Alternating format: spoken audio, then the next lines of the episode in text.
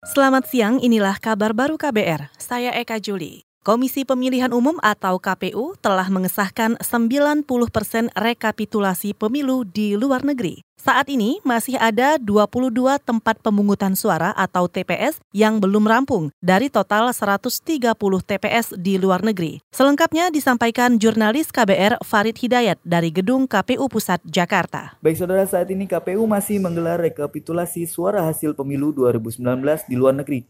Berdasarkan pantauan KBR, saat ini KPU telah mengesahkan 90% tempat pemungutan suara atau TPS di luar negeri. Kini KPU menyisakan 22 TPS dari 130 TPS di luar negeri yang ditargetkan kelar hari ini. Berdasarkan hasil perhitungan di 108 TPS di luar negeri, kemenangan diraih Jokowi Maruf di antaranya di 94 TPS pada kota Moskow, Beijing, Baghdad, Teheran, dan Tokyo, serta masih ada 89 kota lainnya.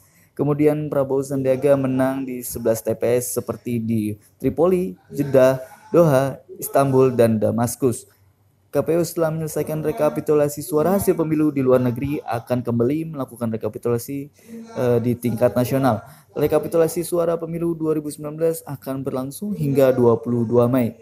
Dari kantor KPU RI Farid Hidayat melaporkan untuk KBR.